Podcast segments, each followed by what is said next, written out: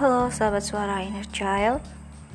Hmm, Mungkin kalian bertanya-tanya Sebenarnya Apa yang membuat seseorang itu Tidak mau berdamai? Dan Masih mengingat-ingat masa lalu Serta luka yang ada.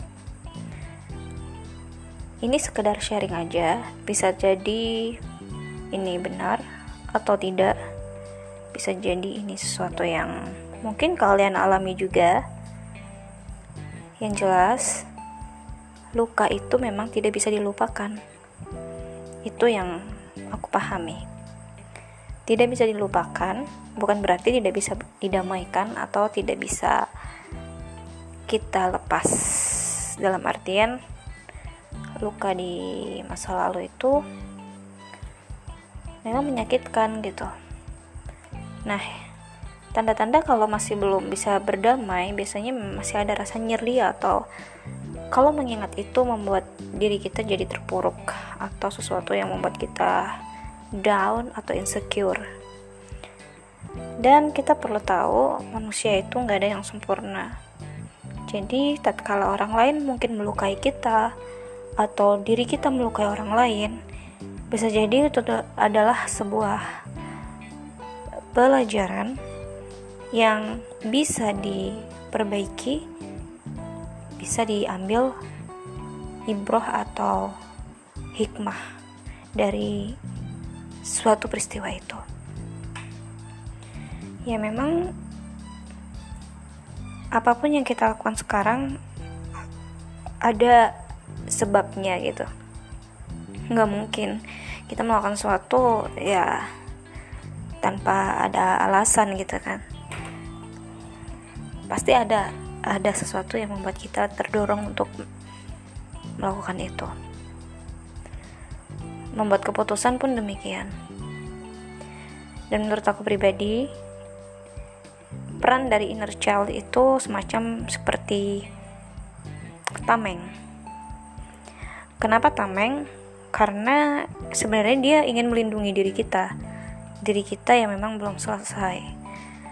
Belum selesai artinya memang belum belum bisa let go untuk sesuatu itu.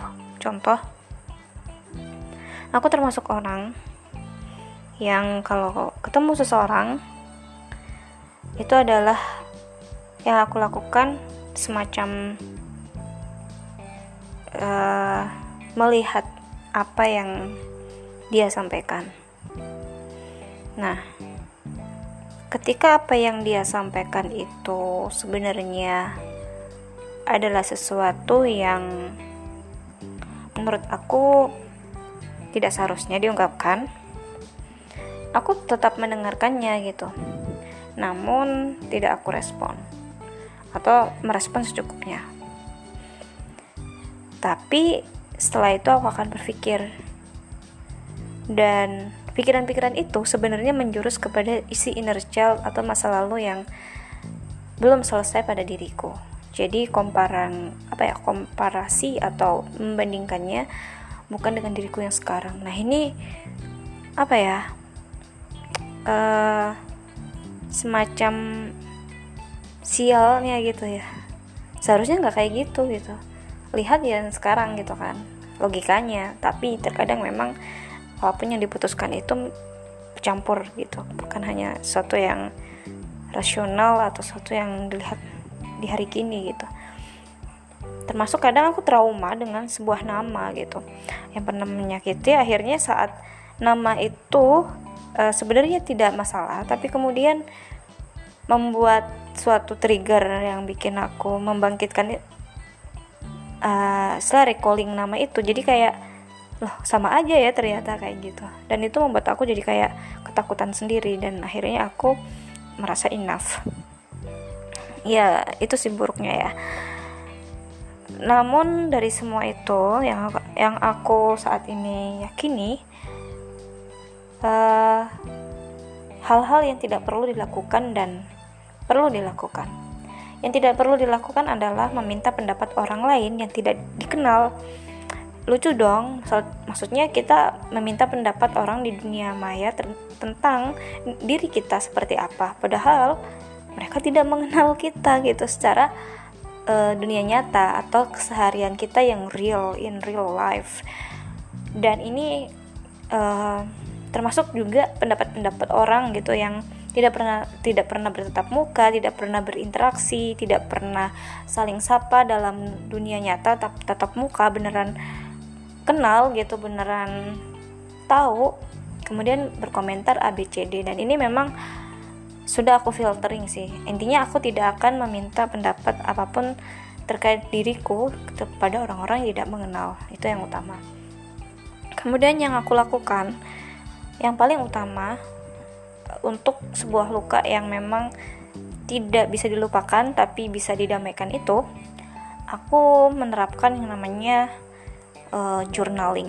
Journaling itu bukan semacam menulis list to do hari ini ngapain aja kemudian dicoret gitu bukan. Atau semacam hari ini jam ini jam ini ngapain aja semacam jurnal laporan bukan. Tapi lebih kepada my feelings my thoughts gitu atau sesuatu yang bisa aku pelajari di hari ini dan membuat diriku lega untuk mengekspresikan semua emosi yang aku rasakan hari ini. Dan ini mungkin bisa dilakukan jadi kombinasi antara journaling dengan tadi uh, membuat barrier atau batasan terhadap dunia, dunia maya gitu itu akan sangat membantu diri untuk menyembuhkan luka itu sendiri. Ya semoga apa pun itu memang tidak bisa dilupakan teman-teman masa lalu masa-masa sudah dilalui masa-masa yang pahit yang manis yang sangat men, me, apa ya dirindukan menyenangkan.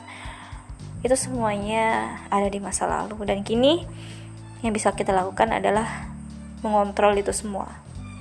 Ya minta tolong kepada siapa lagi kalau bukan diri kita sendiri yang minta tolong. Dan dalam hal ini pertolongan yang paling utama adalah kita mendekatkan diri kepada yang menciptakan diri. Jadi semacam dikasih jalan gitu untuk selalu mengingat siapa yang membuat diri kita gitu.